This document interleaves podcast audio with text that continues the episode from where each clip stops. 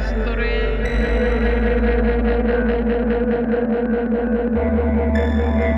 Vítáme vás u čtvrtého dílu Transistorie, podcastu, který se věnuje transhistorii.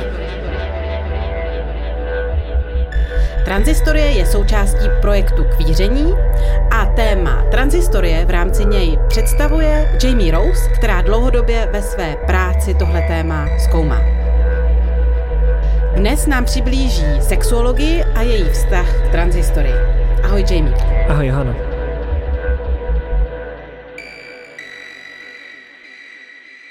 Jamie, ahoj. Já jsem se na tenhle díl hrozně těšila. Co jsi pro nás připravila? Uh, no tak dneska si vezmeme trošku jakože, uh, řekněme, těžší téma trošku, s tím, že se podíváme na sexuologii a její vývoj a vlastně to, jak vnímala sexuologie trans lidi a do jisté míry i vlastně to, do jaký míry ovlivňuje vlastně jako dnešní vnímání trans lidí a jakým způsobem vlastně trans lidi v té době, řekněme třeba právě jako zejména v 50. letech 20. století, uh, byli schopni třeba jako z té sexuologie nějakým způsobem těžit, vlastně jako k nějakému vlastně vlastnímu osvobození a způsoby vlastně, jak málo se ta sexuologie od té doby vyvinula a vlastně z, z disciplíny, která byla původně do jisté míry, můžeme říct, i třeba progresivní z toho, jak přistupovala k translidem, se stalo něco, co vlastně čast, často translidi naopak omezuje. A ještě než se do toho pustíme, co teda vlastně sexuologie je, jak se tady ta věda nebo oblast lékařství dá definovat? Co to, co já vlastně nevím. Jako samozřejmě ta definice, jako všechny definice, je vždycky jako, jako nejasná, ne, trošku komplikovaná a vyvíjí se s časem. Jo, ale obecně asi můžeme jako sexuologii nějakým způsobem jako definovat jako řekněme jako nauku o lidské sexualitě a jako pohlaví, ale i, i tak vlastně jako ta sexuologie se vždycky tak jako ujímá věcí, které zrovna přijdou vhodný, jako z začátku to byla otázka primárně vlastně sexuality, potom se do toho začaly kombinovat nějaké otázky endokrinologie, potom se do toho začaly vkládat právě jako genderové otázky a tak dále, takže nedá se hovořit o třeba jako nutně jednotné disciplíně, ale já si myslím, že s tím, jak se vlastně podíváme na, na tu sexologii a jak vznikala a jak dál pokračovala, tak je asi poměrně jasný, proč k tomu docházelo k těmhle těm vlastně jako postupným vlastně vývojům nějakého vlastně jako soustředění té disciplíny a proč dneska jako často třeba v mnoha zemích už jako sexologie téměř jako neexistuje jako nějaká jako res, široce respektovaná jako medicínská disciplína, ale spíše jako vnímána do jisté míry jako pavěda, jo? nějaký vlastně jako přežitek minulosti, který se snažil jako skombinovat otázky jako psychologie, nějaké fyziologie, endokrinologie, která, který je dneska už jako podstat, podstatně dost přežitý. Tak doufám, že nás poslouchají naši oblíbení sexuologové. Určitě. Měli by. Možná se i něco přiučí.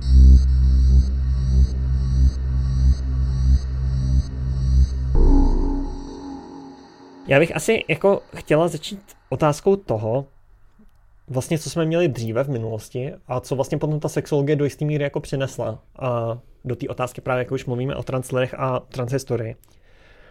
Když se právě podíváme na tu hlubší minulost, jak jsme zmiňovali právě třeba ty female husbands nebo i třeba Johannes Arku a tak dále, máme tady hodně většinou nějaký idiosynkratický jako osobní, osobitý definice toho, co to znamená být trans, co, co to znamená vlastně jako mít nějaké tyhle ty prožitky, které se lišily výrazně od osoby k osobě, od společnosti ke společnosti a neexistovala nějaká jako ucelená představa co, toho, co to může být a že je to třeba i něco jako co prožívá mnohem větší počet lidí ve společnosti, než třeba ta jedna konkrétní osoba.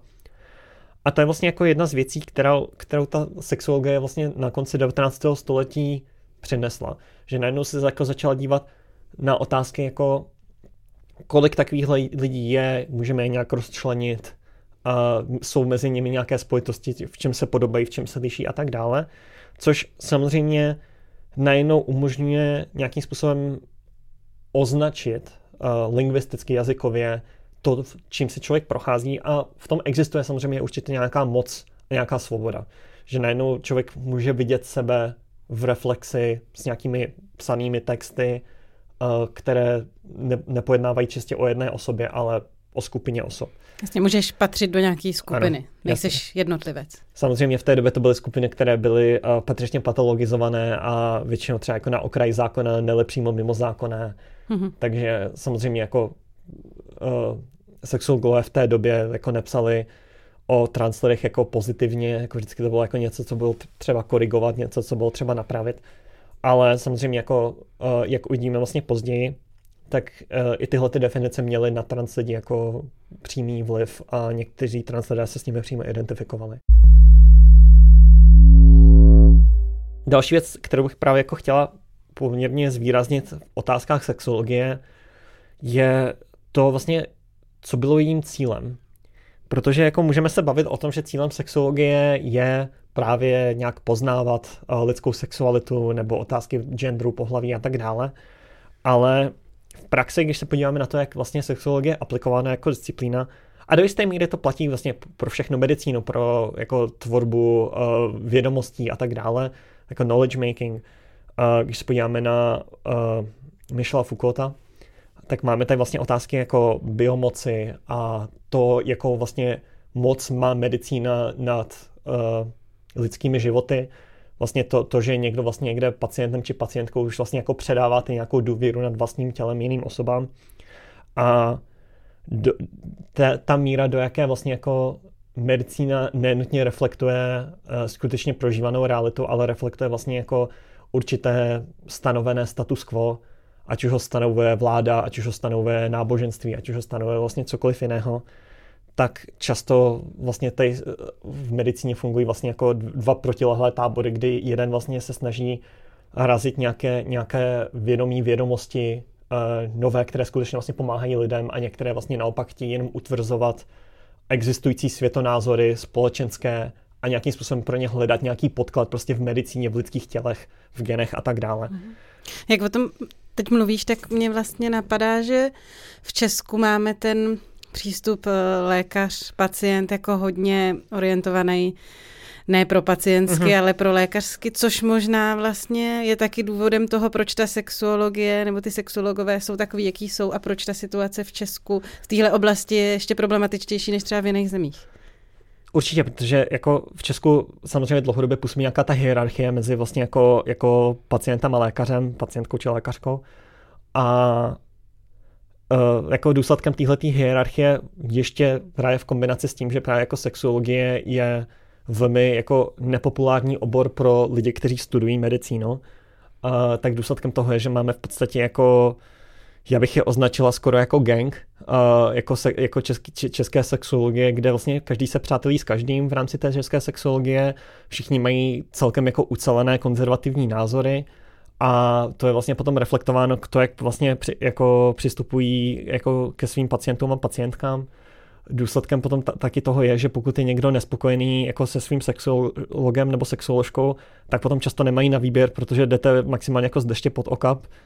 A ne, nedejte, nedej bože, abyste ještě jako někoho, nějakého sexuologa jako pomluvili na veřejnosti v okamžiku, kdy oni nad vámi mají ještě nějakou jako přímou moc, protože oni vám ten život jako můžou patřičně stížit, když se jim chce a oni se jako nestydí to přiznat. A jako já jsem sama znala lidi, kterým jejich sexuoložka řekla, že prostě pokud si nadále budou stěžovat, tak jim vlastně jejich jako tranzici znepřímní, nelepřímo znemožní a, takže vlastně jako představa toho, že vlastně jako ta sexologie česká a v kombinaci právě jako s českými sexology a českými sexoložkami funguje čistě jako nějak, jakási vědecká disciplína je hmm. patřičně milná, protože to funguje v podstatě jako právě jako nějaký gang, jako hmm. aspoň pro mě. Já jsem teď udělala uh, odbočku do současnosti, ale pojďme se vrátit eh, k tomu, jak teda sexuologie jako taková se formovala. Mm-hmm. Já bych sexuologii vlastně v rámci, když mluvíme o transosobách, a zvlášť tu sexuologii, o které mluvíme tady, protože samozřejmě nějaká v úzovkách moderní sexuologie nadále existuje a provozuje se, ale já bych právě jako sexologii ráda definovala, a není to teda moje unikátní definice, je to z článku, který jsem četla, uh, jejíž autorku si v tuto chvíli nevybavím, bohužel se omlouvám, ale ona v podstatě relegovala sexuologii ne nutně do transhistorie, ale do transprehistorie.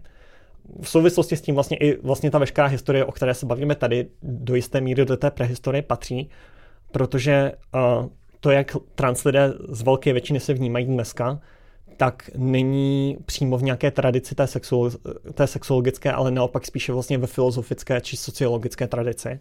Takže vlastně, ačkoliv ta sexuologie nadále vlastně s trans lidmi interaguje na nějaké úřední medicínské úrovni, tak uh, vlastně ty interní definice, které translidé často mývají, už vlastně s tou sexuologií nesouvisí, tudíž vlastně i ty identity, se kterými se vlastně jako lidi třeba identifikovali ve 20. 30. letech, které patří vlastně pod ty sexuologické definice, už nejsou přímo součástí těch chápaní, kteří, které translidé mají dneska, takže vlastně se relegují do nějaké té prehistorie.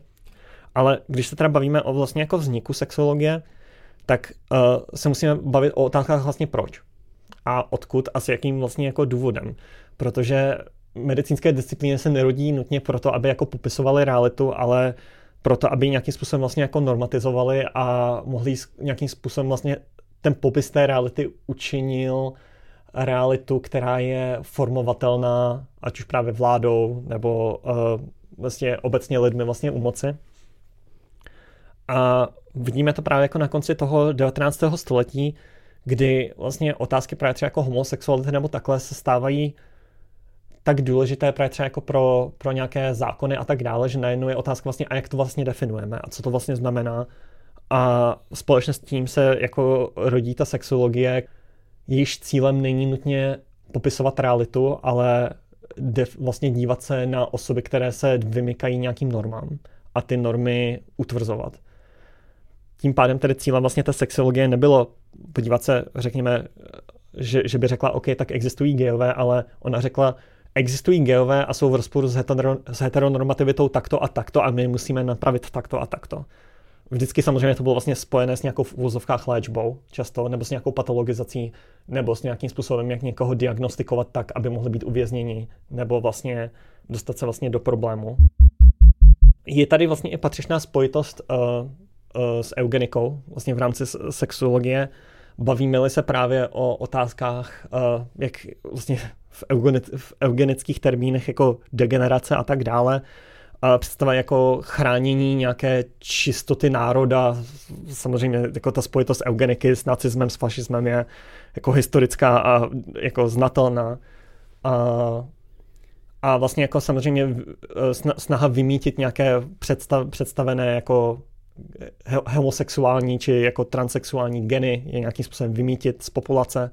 A i to byla vlastně jako součást uh, té sexologické snahy, definovat vlastně, co dělá uh, gay lidi gay, gay a co dělá queer lidi queer a ne to vlastně jako při, převzít, ale to vymítit. To mi připomnělo nedávný um, vyjádření jednoho z českých politiků, který tvrdil, že uh, nemůžeme mít gay sňatky, protože nechceme, aby se tady rodilo víc gayů. Na, na to já bych ráda, ráda jako i třeba jako zmínila, že třeba jako jedna z mých uh, bývalých sexuoložek, kde si jako mi tvrdila, že vlastně jako uh, být trans je vlastně geneticky předatelné a je to jeden z důvodů, proč jako se u nás uh, trans lidé musí vlastně jako podvolit uh, chirurgické kastrace. Mm-hmm. Protože samozřejmě my, kdybychom předávali své geny dál, tak co by se stalo, kdyby bylo těch trans lidí víc? Uh, panika.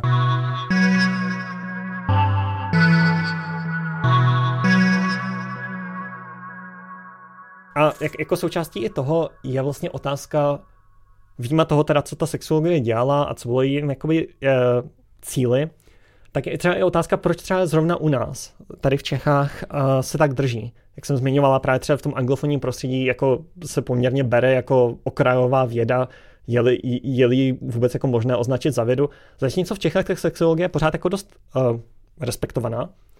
A jako do jisté míry to souvisí s nějakou jako historickou tradicí, protože pokud se díváme na vznik vlastně jako sexologie, jakožto vědy a jakožto nějaké disciplíny, tak v podstatě se díváme na Německo, díváme se na Rakousko a, a souběžně s Rakouskem samozřejmě se díváme i na to, z čeho by se později stalo Československo. A, německy mluvící země primárně. takže tudíž vlastně tady je jako velká tradice, když vlastně sexologie vznikla v Německu nebo v Rakousku, tak se zakomponovala do vládních struktur a samozřejmě ty, ty struktury bylo třeba replikovat i u nás. Je třeba ale i současně s tím jako držet v paměti, že ačkoliv třeba sexologické struktury, které my dneska vnímáme jako hodně opresivní a konzervativní, tak je pravda, že vlastně v dobách, kdy třeba byly vytvořeny, mohly být i poměrně progresivní oproti vlastně té společenské normě. Jo, že jako najednou se bavíme o, o tom, že vlastně jako trans lidem třeba v některých případech vůbec umožníme tranzici, je progres mm-hmm. v 50. letech, ale už to třeba není progres v roce 2020, když ta tranzice je podmíněna vlastně jako nějakými obrovskými limity a, a v úvozovkách diagnózami vlastně jako něčeho, co není úplně jako diagnostikovatelné na to, že by to byla nemoc nebo něco takového. Mně teď ještě došlo, že jsme už i v předchozích dílech zmiňovali termín tranzice, mm-hmm. ale co si od ním, pod ním představit? Protože někdo si ho podle mě může představovat hodně spojený právě s operací, mm-hmm. někdo s tím, že uh, jako přijmete tu, tu jinou identitu, jestli mm-hmm. takhle můžu říct, jak to vnímáš ty, nebo jak je to jak je já, já bych teda jako spíš jako těch úzů je víc, ale když já jako zmiňuji tranzice, tak záleží hodně na kontextu. Mluvím-li o, o kontextu právě třeba sexologie, tak mluvím jako primárně o jako fyzické tranzici, ať už jde o užívání hormonů nebo přístupy k operacím, ale vlastně i součástí toho, když se bavíme o sexologii, tak je i úřední tranzice. Protože často uh, jsou to sexologové, kteří vlastně jako definují, jestli někdo si může změnit jméno, jestli někdo si může změnit uh, písmenko v občance a tak dále. Takže vlastně jako tady je vlastně jako jasné, jasně viditelné to, jak ta vládní sféra, která vlastně definuje tu úřední tranzici, je pevně vlastně propojená s tou sférou sexologickou, mm. kde, sexu, kde, kde to, že je někdo opravdu trans, se státu potvrzuje skrze tu sexuologii, nikoli vlastně skrz to, jak ten člověk chápe sám sebe nebo to, ale je to to, že vlastně jako sexuolog nebo sexuoložka dá razítko, rozhodne se, že, že ten člověk je z nějakého jejich jako důvodu, který oni si ty sexologové definují sami pro sebe, je opravdu trans. Jako, jako vidíme vlastně i to propojení, do jaké míry vlastně u nás se ta sexologie drží skrz i třeba média, bavíme se tady, řekněme třeba jako Radim Uzel, klasický vlastně jako když se něco děje, tak česká média za ním vždycky jdou. Často vlastně chodí za sexologii jako za experty na, na lidskou sexualitu, což je absurdní, jako když se podíváme na to, jaký, co vlastně jako ty sexologové vlastně jako v těch médiích vůbec říkají o, v otázkách lidské sexuality. Ale právě třeba uh, součástí toho, té reprodukce vlastně jako té hegemonie sexu, sexologie v Čechách je i třeba to, že pokud trans osoby prochází tranzicí v těch Čechách, tak součástí toho je, já bych to nenazvala úplně jako vymývání mozku, ale do jisté míry jako je na ně působen velký nátlak, aby si internalizovali ty sexuologické definice a přístupy. Součástí toho třeba je, že, že když trans lidé jdou uh, ke komisi, která rozhoduje, zdali můžou nebo nemůžou jít na operaci, což ano, u nás to rozhoduje komise, uh, jakási vlastně jako tvořená sexologie, psychologie a limy z ministerstva zdravotnictví, tak musí z důvodu toho, co si sexologové čeští definovali, doložit, že si přečetli jednu specifickou knihu, kterou oni sami napsali. Mm-hmm. Jo, jako představa toho, že ty, ty si musíš jako nastudovat jakousi učebnici, která tě naučí o tobě, o tom, jak ty se máš cítit a o tom, jak máš chápat sama sebe. A potom vlastně tuto učebnici musíš jako doložit, že jsi přečetla, ačkoliv to není nikde v zákoně uvedené. Protože ten komise a tak dále je součástí zákona, který byl definovaný někdy v 50. 60. letech. A to, že si máte přečíst jako nějakou knihu, kterou napsali v, v roce 2005 nebo kde, a tam samozřejmě není, ale sexologové no. vám řeknou, že když si ji nepřečtete, tak, ne, tak pro vás nebudou hlasovat na té komisi a oni vám můžou prostě jako znemožnit uh, přístup uh, k operacím. Ale když tohle říkáš, tak mně to zní tak, že jako v 50. pokud jsme v 50. letech měli komisi, před kterou mohl mhm. člověk mm-hmm. předstoupit a předníst tam, že chce jako změnit svoje pohlaví úředně, mm-hmm. tak mi to přijde poměrně progresivní. Jo. V tu dobu ještě někde ženy nemohly volit ani jít na potrat. Jako, Jenom jako dneska už je to asi trochu paseno. Jako mluvíme-li třeba o, o, to, o jako té progresivnosti tohodle, uh, tak právě třeba jako Československo tehdejší uh, bylo vlastně jedno z nejpokrokovějších zemí na světě. Uh, jako součástí toho je, že právě uh, trošku jaká jako zajímavá jako perspektiva, pokud vezmeme vlastně jako tehdejší vlastně komunistickou vládu, tak oni to vnímali třeba jako umožnění tranzice transženám bylo vnímané do jisté míry jako emancipace žen. Jo, samozřejmě emancipace v tomto případě v uvozovkách jakož z mužského těla, samozřejmě jako já s, s tímhle termínem nesouhlasím, ale jako bylo to tak vnímáno. A problém samozřejmě je, že tyhle ty zákony, které byly sepsány v 50. 60. letech, jsou nadále platné a nijak se neupdateují a jsme v podstatě jako v situaci, kde jsme se od těch 50. 60. let jako výrazně nikam neposunuli. A v české vládě jako není snaha se někam hmm. posunout, ačkoliv vlastně jako různá jako mezinárodní soudy a tak dále rozhodly, že je třeba tu situaci změnit. Já bych se ráda dostala vlastně k nějakým jako počátkům sexologie a k počátkům nějakých jako definic trans osob. Uh, tady samozřejmě budeme užívat ty termíny, kteří, které definovaly vlastně ty sexologové, primárně tady sexologové, ne sexoložky, samotní. Uh, tudíž jako doufám, že jako nebudete s tím mít problém při poslechu, ale samozřejmě jako chápu, že uh, často ty definice jsou uh, odpovídající době, kdy vznikly a jsou hodně nešetrné. Uh, začala bych asi jednou z centrálních osob vlastně sexologie, což je Richard von Kraft-Ebing, což byl rakousko-německý psychiatr, který žil vlastně až do začátku 20. století, cirka od poloviny 19. Eh, který napsal vlastně jeden z centrálních jako sexuologických textů, který se jmenoval Psychopatia sexualis. A, ten, a tohle byl právě text, který jako do jisté míry poprvé kategorizoval koncepty jako homosexualita, bisexualita. A ačkoliv vlastně ten termín neužíval, tak uh, do jisté míry i vlastně vidíme nějaké definice trans osob v tom jeho textu. On, řekněme, je definoval jako vlastně podskupinou homosexuality, což se bude táhnout dlouhou dobu, jak tady budeme vlastně mluvit o té sexologii, tak ta spoj, spojitost vlastně jako trans uh, zkušeností a trans vlastně jako prožitku uh, s homosexualitou je hodně pevná a jako držela se hodně dlouho. Třeba u transžen povolila o něco dřív, abych říkal, že třeba mluvíme tady o americkém kontextu, který já mám jako trochu, znám trochu líp, tak třeba jako trans lesby, jo? že pokud jste měli jako heterosexuální transženy, tak jim většinou jako to bylo umožněno, protože byly vnímány v úvozovkách v rámci tahle koncepce jako homosexuality. Že jsou to v podstatě jako že geové, kteří jako extrémní geové v úvozovkách, zase hodně v úvozovkách, mm-hmm. kteří vlastně jako chtějí být s muži a chtějí být s muži jako, jako ženy. A kterým, kterým ta tranzice většinou byla jako umožňována v rámci jako téhleté koncepce. Ale potom jako s tím, jak se najednou jako zjistilo, najednou z ničeho nic, se zjistilo, že existují translesby, tak vlastně jako to tuhle definici rozhodilo a byla, byla potřeba nějakým způsobem jako reformovat. A já bych řekla, že jako translesbám oficiálně, bez toho aniž by třeba jako nutně museli lhát svým sexologům, což je často bylo potřeba, a umožňováno právě jako tranzit třeba od 70. let, cirka. Mm. Ale třeba pro transgeje, kde vlastně jako ta, ta pevnost vlastně jako té, té potřeby té homosexuality, aby tam nějaká byla, homosexualita z pohledu toho sexuálního, tudíž tudíž vlastně jako z genderu, do který, který tomu člověku byl přepsán při narození. Tudíž jako transmuž je pro sexuologa homosexuál, pokud ho přitahují uh, ženy. Jo, takže uh, jestli tomu dobře rozumím, tak z toho pohledu těch sexuologů časlo slovo toto jako celý narovnat, aby ano, to bylo v pořádku. Ano.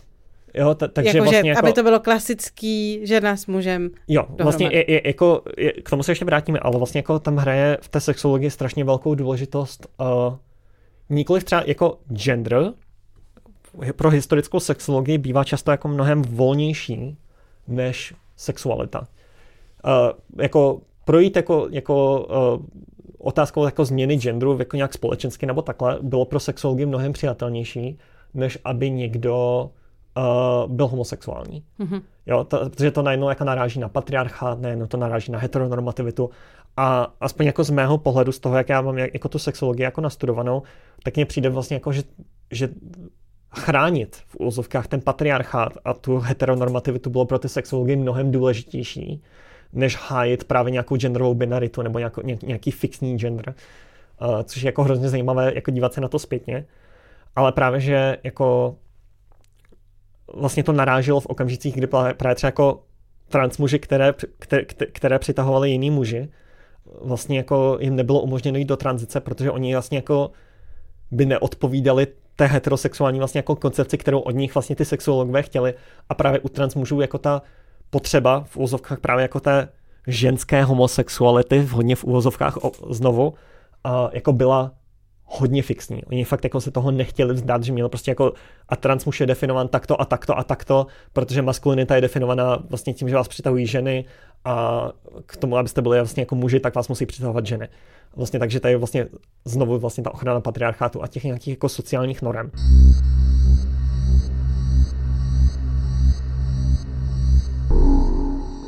Pokud se právě podíváme na toho Ebbinga, jak to de- de- definoval, uh, tak tady máme vlastně jako definici toho, že on v podstatě to, co my bychom dneska označili jako trans osoby, tak definoval v rámci homosexuality, kterou on nazval třetího a čtvrtého stupně, a protože v Ebbingově existují určité jako stupně homosexuality, pokud je třeba jako o nějaké jako občasné jako deviace v uvozovkách, nebo, nebo někdo, který, nebo třeba jako muže, kteří aktivně vyhledávají jiné muže, nebo jenom nějaké romantické pocity, nebo přímo jako sexuální touha a tak dále, tak on to nějakým způsobem jako rozlišoval. A potom se toho právě jako hrozně těž, těžko zbavovalo a vidíme to do jisté míry i vlastně jako v těch následujících letech, kde právě třeba jako Havelock Ellis, který uh, do jisté míry byl vlastně jako současníkem Kraft Ebbinga, ale jako dožil se díl a byl spíš jako aktivní, spíš už v tom 20. století na, na jeho začátku, který byl vlastně jako britským sexologem a eugenikem a společenským reformátorem, což byly často věci právě, které šly jako v ruku v ruce. Hurá. Ano, hurá. A milujeme vlastně eugeniku, hrozně super, jo, úžasný. Ne. Uh, tak on vlastně působil primárně v tom anglofonním prostředí a jeho vlastně jako definice jako trans osob já bych řekl, že jsou jako mnohem vlivnější než právě třeba jako Kraft Ebbinga, protože on proto vymyslel konkrétní termín. V Elisi, v Elisi Felisovi už to není jenom homosexualita třetího či čtvrtého stupně, ale on to v podstatě jako označil přímo jako uh, on to nazval buď jako pohlavní, respektive jako genderovou, nebo vrozenou inverzí. Jo, a tady je vlastně jako se nám hodně mísí ta představa, kterou už vlastně jako už tam do jisté míry jako předvedl Kraft Ebbing.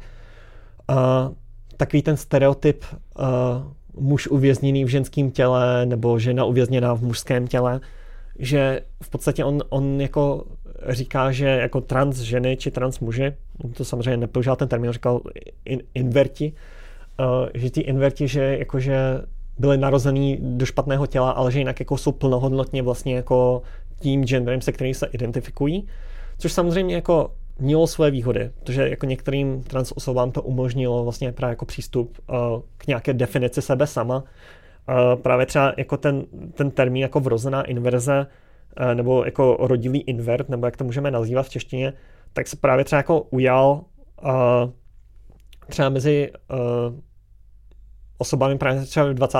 ve 20. 30. letech třeba John Radcliffe Hall a autor prvního v uvozovkách lesbického románu tak je znám primárně vlastně jako v tom anglofonním prostředí, který se jmenoval Studna samoty. Mm-hmm. Uh, On je teda znám primárně jako Redcliffe Hall, ale v podstatě jako všichni lidi, kteří mu byli blízcí, jako ho nazýval John. Uh, tak on sám se vlastně definoval jako sexuální invert, a což vlastně i nabourává tu představu jeho jako lesby, protože součástí právě té sexuální inverze bylo to, že jako ta genderová definice, uh, genderová definice, genderová identita, jako je v souladu vlastně jako s tou, s tou mužskou genderovou identitou mm. pro něj. Uh, s tím, že ho přitahují ženy, tak on jakoby rezonuje s mužskou genderovou identitou. A byla tam samozřejmě jako propojena s homosexualitou pořád, do jisté míry, ale vidíme tady už právě jako nějaký termín, který existuje jako mimo čistě tu definici sexuality. Richard von Kraft-Ebing, Psychopatia sexualis.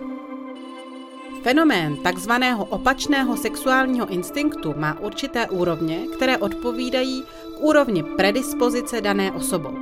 Proto v lehčích případech nalezneme jednoduchý hermafroditismus. Ve výraznějších případech nalezneme pouze homosexuální city a instinkty, avšak omezené na sexuální život. A v kompletnějších případech jde o transformaci celé psychické osobnosti a dokonce i fyzické prožitky odpovídající sexuální perverzitě. A v kompletních případech dochází i k alternaci fyzické podoby. Aktivně inverzovaná žena se liší od výše zmíněného typu ženy v jedné podstatné charakteristice.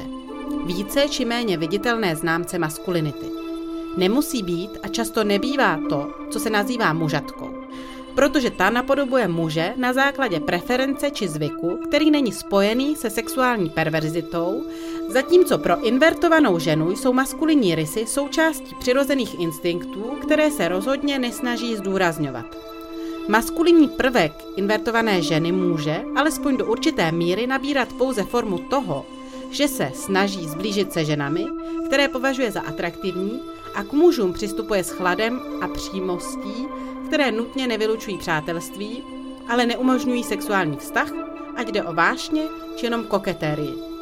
Invertované ženy se většinou o muže vůbec nezajímají, někdy jsou jimi přímo odpuzovány.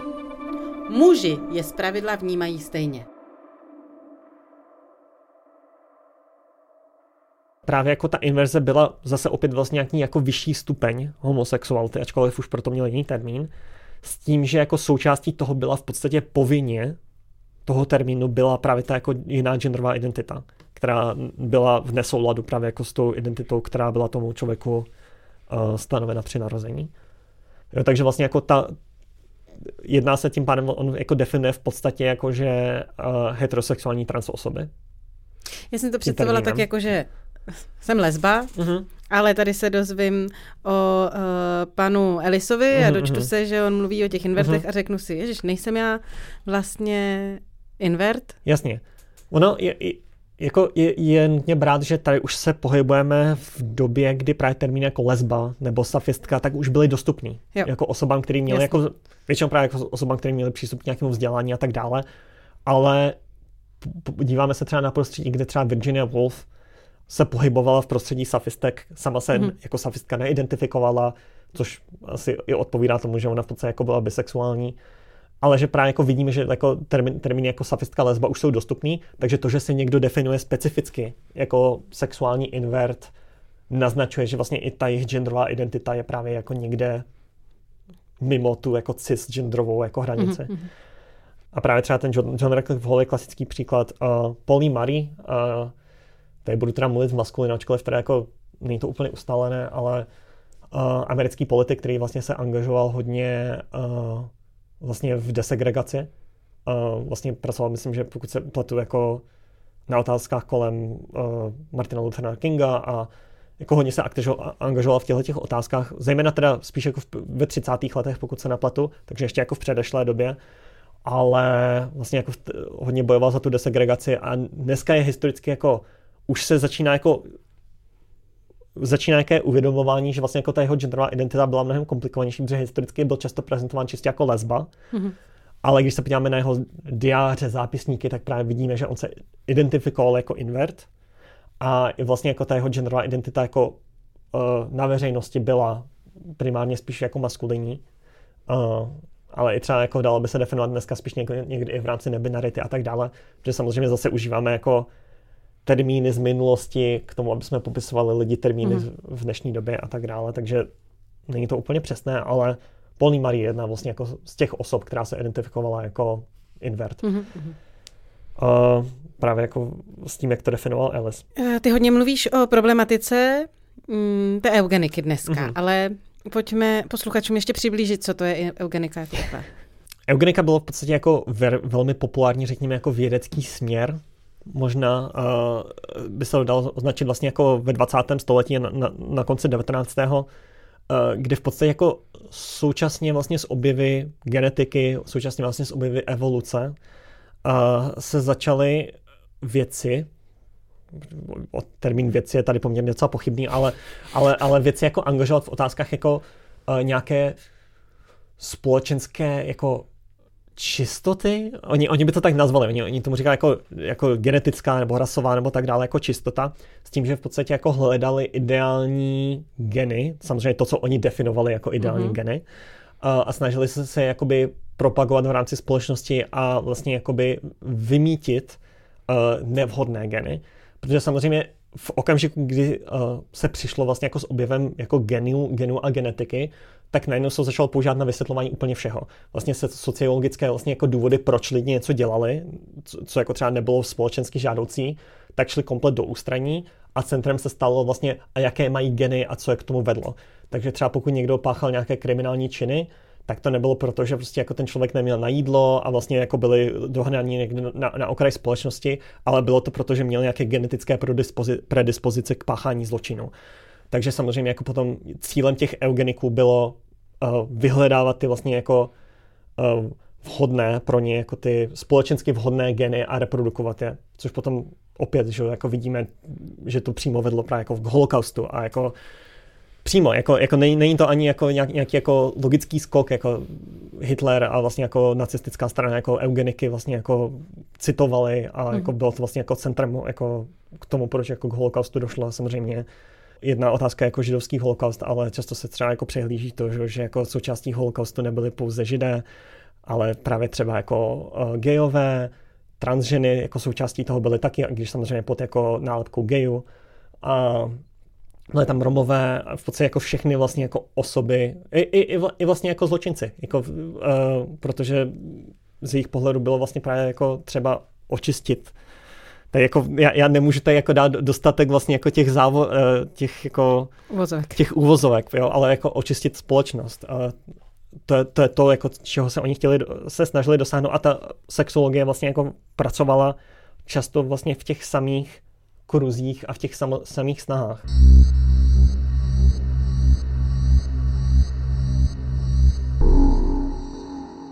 A když jsme vlastně jako nakousli to Německo, tak já bych se možná ráda k němu zpátky otočila a vlastně i do té doby, vlastně kolem té, před tou druhou světovou válkou, ale už vlastně i v období vlastně jako nacismu v Německu do jisté míry, Uh, tak vlastně jeden z těch významných sexologů, kteří nějakým způsobem vlastně jako přispěli k chápání transosob, uh, v jeho případě třeba i řekněme pozitivně, uh, byl Magnus Hirschfeld, který vlastně působil v Berlíně od konce 20. století, ale zejména vlastně jako po, po první světové válce s nástupem takzvané Výmarské republiky v Německu. A on tam založil v Berlíně vlastně sexuologický institut, který se vlastně jako prvně, já bych, aspoň já bych teda řekla, jako prvně fakt jako začal snažit nějakým způsobem jako uh, zjednodušit životy, vlastně jako queer osob obecně, nejenom trans mm. osob. Uh, s tím, že jako Hirschfeld se opravdu jako snažil zajistit, aby vlastně jako geové se cítili bezpečně, uh, třeba i trans lidem jako zpřístupňovat hormony, některé operace a tak dále, tak jako Hirschfeld na tom měl opravdu jako velký podíl. A třeba jako je zajímavé, že to výmarské Německo, ačkoliv vlastně tam pořád fungovaly zákony zakazující homosexualitu a tak dále, tak se stalo vlastně na těch krátkých 20 let, než vlastně jako nastoupili nacisté k moci, tak se stalo v podstatě jako výspou uh, jako evropské queer kultury.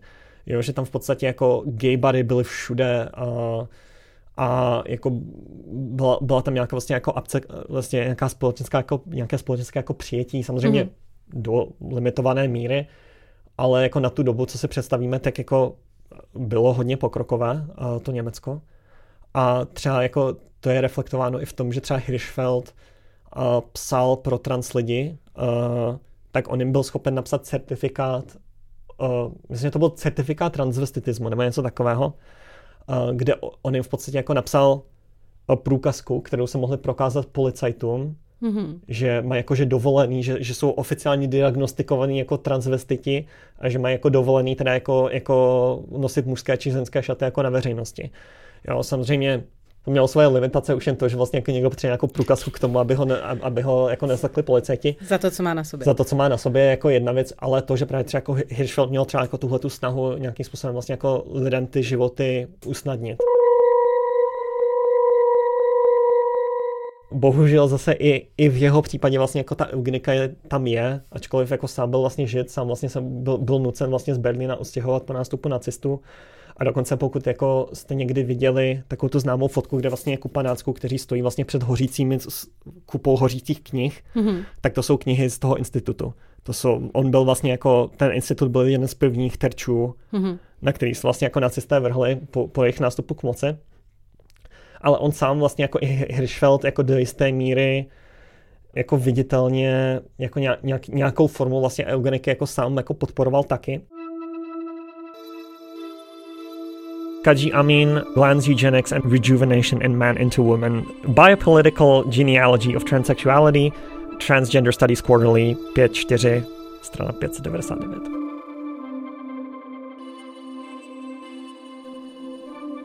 Hirschfeld tvrdil, že ačkoliv je homosexualita vrozená, jedná se o neškodnou odlišnost a nikoliv o nemoc či příznak degenerace.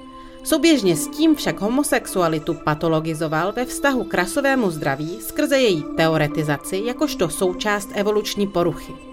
Současně také vyslovil spekulaci, že homosexualita se mohla vyvinout jakožto způsob prevence proti degeneraci, zajišťující vymření z degenerovaných rodinných liní. Z eugenického pohledu tak tedy nebylo vhodné homosexualitu léčit, neboť by to umožnilo reprodukci v rámci zdegenerované rodinné linie.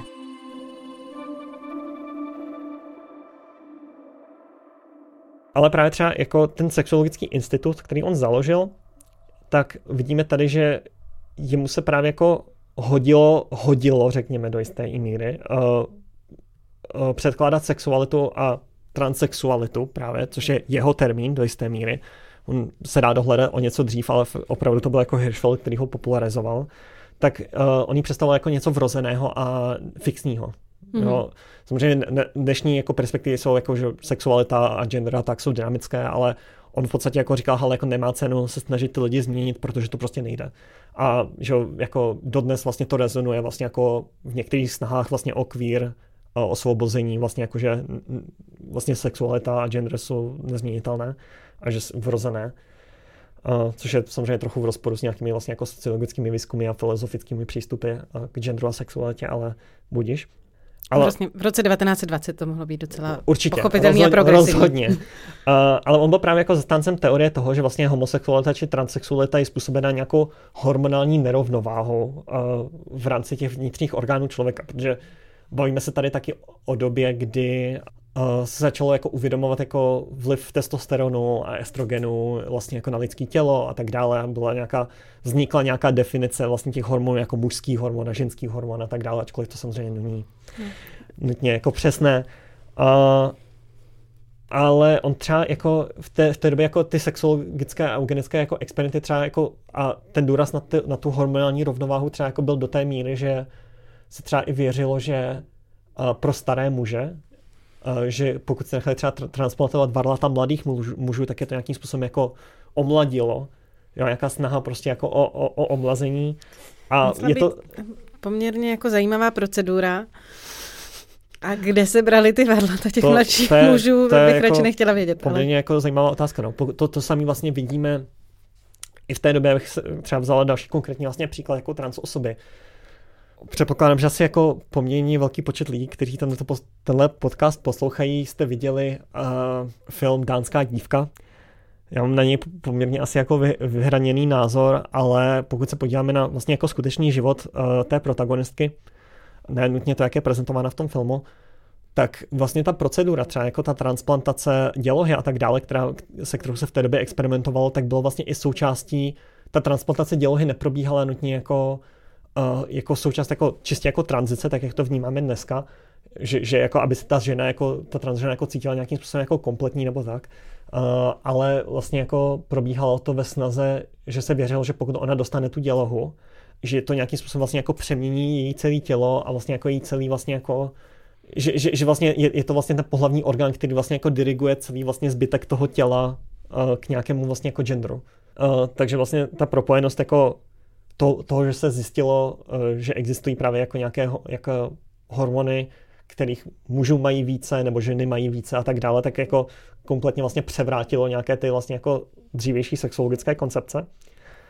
Jako, jako Hirschfeld, Hirschfeld na tom měl poměrně jako velké zasloužení a právě pokud se díváme třeba na třeba ty zákony z těch 50. 60. let, tak poměrně jako evidentně je tam vidět, jakým způsobem vlastně se odvíjí od Hirschfeldových jakoby koncepcí. Mm-hmm. On teda pracoval, že on viděl gender obecně jako nějaké, on tomu říkal, pohlavní mezistupně, měl jako teorii pohlavních mezistupňů, kde vlastně máte jako nějaký jako absolutní stupeň nějakého absolutního muže, nějaký absolutní stupeň nějaké absolutní ženy a někde mezi tím máte vlastně jako, ge, že geové v podstatě byly jako gender sám pro sebe. A potom vlastně jako trans osoby byly gender sám pro sebe a v podstatě jako všechno to vlastně rozšířeno na nějaké spektrum od vlastně absolutní maskulinity po absolutní femininitu, ale všechno se mu to vlastně jako hodilo do nějakých vlastně těch pohlavních mezistupňů. No. Tak jako by ta teorie, že máš nějakou škálu, na který se můžou lidi různě pohybovat, je asi docela zajímavá. Přimíchat do toho i tu sexualitu mm, je mm. asi, ne, nebyl úplně ten nejsprávnější krok, ale mm, to je jako zajímavá osoba. Ale vidíme tady pořád jako nějakou tu, třeba i tu, tu, tu spojitost s Kraft Ebbingem, jo? Že, že Ebbing že má jako ty stupně té homosexuality od nějakých jako uh, maskulinních gayů, kteří jako občas si jako dopřejí s nějakým mužem, až po vlastně jako ten čtvrtý stupeň, kde je to v podstatě jako transžena.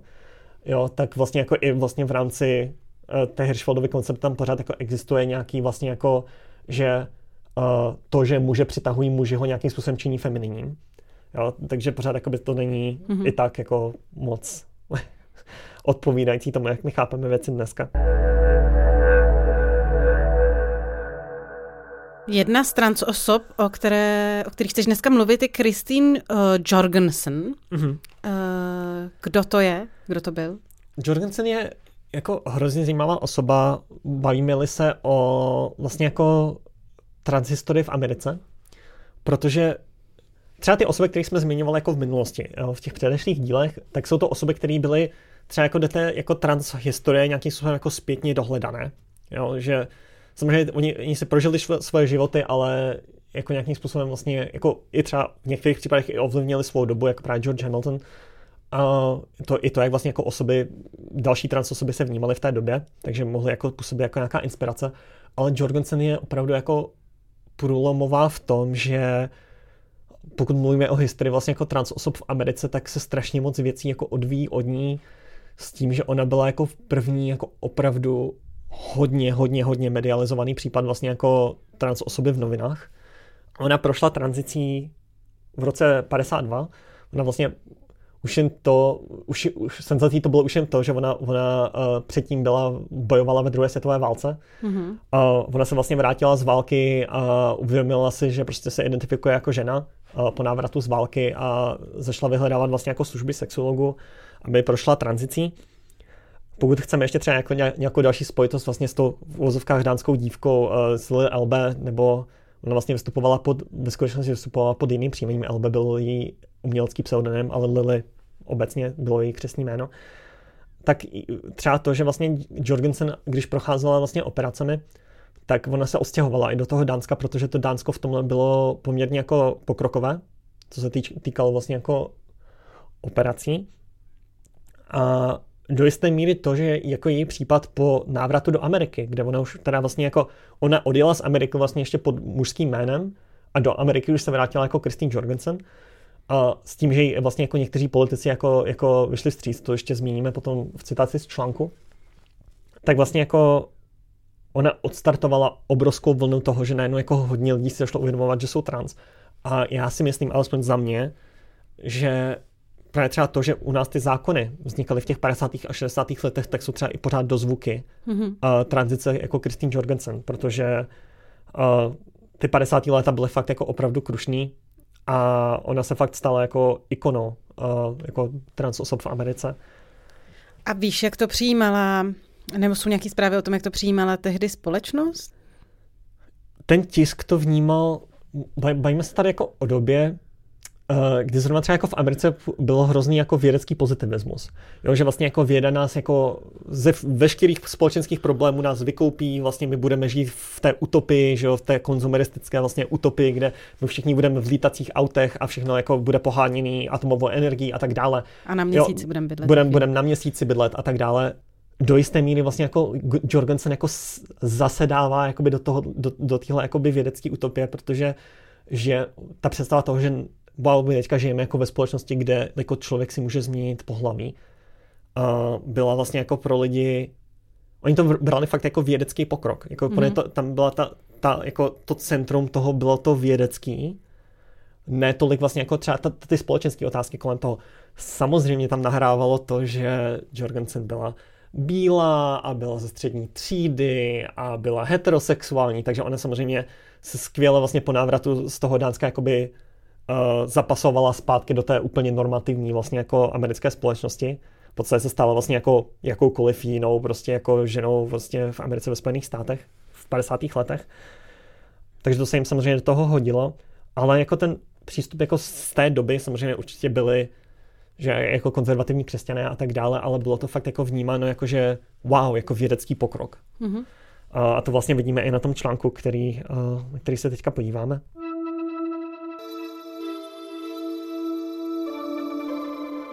Prvního prosince 1952 New York Daily News.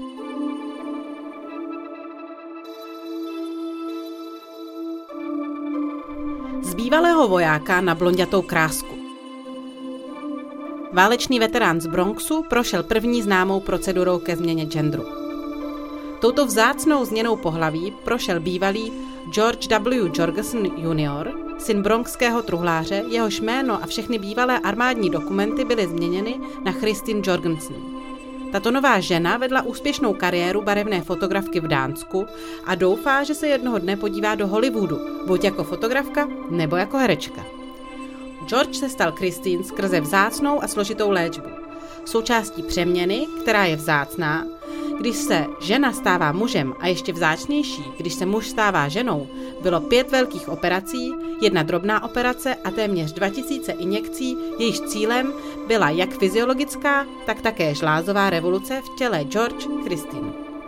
Doktor Eugene Anderson, velvyslanec USA v Dánsku, věděl, co se dělo a po úspěšném zakončení operace zajistil, aby byly pozměněny záznamy Christine ve vojenské a veteránské administraci a na imigračním úřadu, tak, aby se muž, který před třemi lety odjel do ciziny, mohl vrátit jako žena. Christine od léčby pracuje šťastně a úspěšně jako barevná fotografka.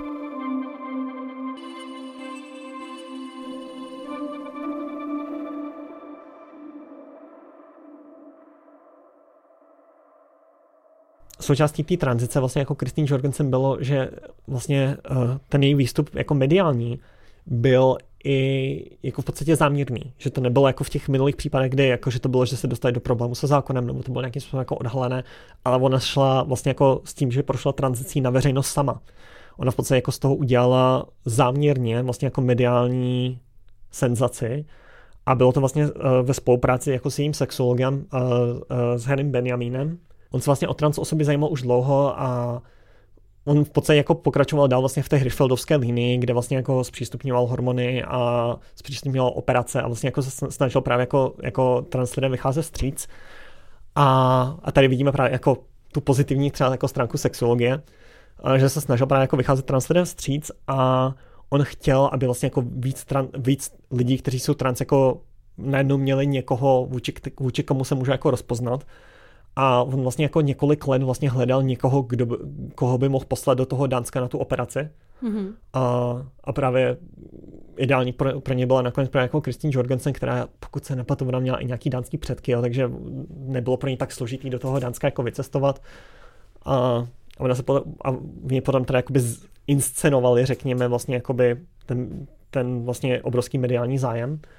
Ale jako Benjamin je tady poměrně jako stěžení osoba vlastně pro tuhle tu dobu uh, v Americe, protože on právě jako vystupoval transně stříc a výhodou pro ně velkou bylo, že vlastně po, po tom, co Christine Jorgensen měla ten mediální výstup a mnohem víc lidí si začalo uvědomovat, že jsou trans, tak vlastně jako hodně lidí začali vyhledávat specificky něj, mm-hmm. jo, pro, pro to, aby vlastně jako měli přístup, přístup k tranzici.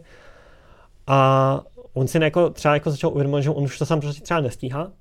A jeden z jeho vlastně pacientů uh, byl Reed Erikson, který měl poměrně vlastně velkou roli v tom, jak Benjamin a americká sexologie obecně, a ne i třeba sexologie, třeba jako medicína, tam už to nebylo nutně tak jako úplně pevně vázáno na jako koncept sexologie, ale jak přistupovala k translidem a co jim vlastně jako mohla nabídnout.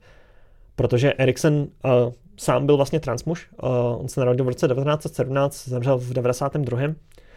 A on, změ, on zdědil vlastně strašně velký mění uh, po své rodině, nějakých 40 milionů dolarů. On sám vlastně už v té době vedl poměrně úspěšnou firmu, takže jako hodně, hodně najednou máme prostě jako trans osobu, která je strašně, strašně bohatá. Mm-hmm. A uh, to, co on se rozdělal s těma penězma, bylo, že bude financovat právě výzkum do, do jako transexuality, různé vlastně jako přístup vlastně k tranzici, operace vlastně transfer bude hradit. On hradil vlastně Benjamínovi, uh, Benjamínovi založil vlastně jako specificky jeho vlastní nadaci, do který, do který on přispíval. A součástí toho bylo, že on třeba uh, platil za výzkum na Johns Hopkins University v Americe, která vlastně se stala na poměrně dlouhou dobu mezi vlastně 60. a 80. lety, kdy on vlastně je financoval, tak se stala jakýmsi vlastně centrem, kde lidi vyhledávali právě jako operace, hormony a tak dále, protože to bylo jedno z mála míst, kde si to lidé mohli ne třeba i dovolit, třeba to bylo i zadarmo v některých případech, protože on jak to financoval ten výzkum, tak třeba to bylo jako, že my vám uděláme tu operaci zadarmo, protože je to součást našeho výzkumu nebo takhle. Jako experimentálně. Jako experimentálně. Jo, takže vlastně jako Reed hla, právě skrz toho Harryho Benjamina měl uh, hrozně velký vlastně vliv na to, jako co bylo přístupné trans osobám v té době v Americe.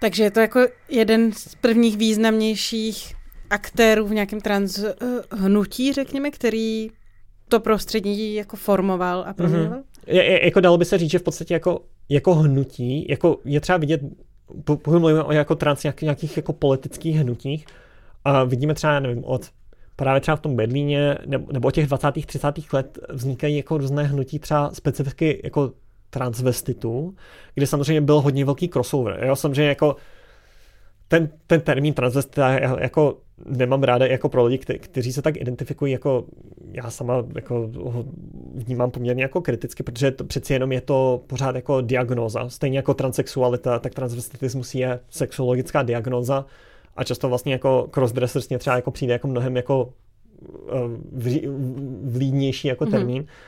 Ale právě jako v té době uh, ty různé jako spolky transvestitů nebo takhle, tak se začaly formovat a právě jako tam byl nějaký jako crossover hodně jako mezi eh, transvestity, transženami, že samozřejmě jako hodně lidí uh, buď šlo jenom právě jako čistě o oblečení, nebo šlo právě jako o, o genderovou identitu celkově.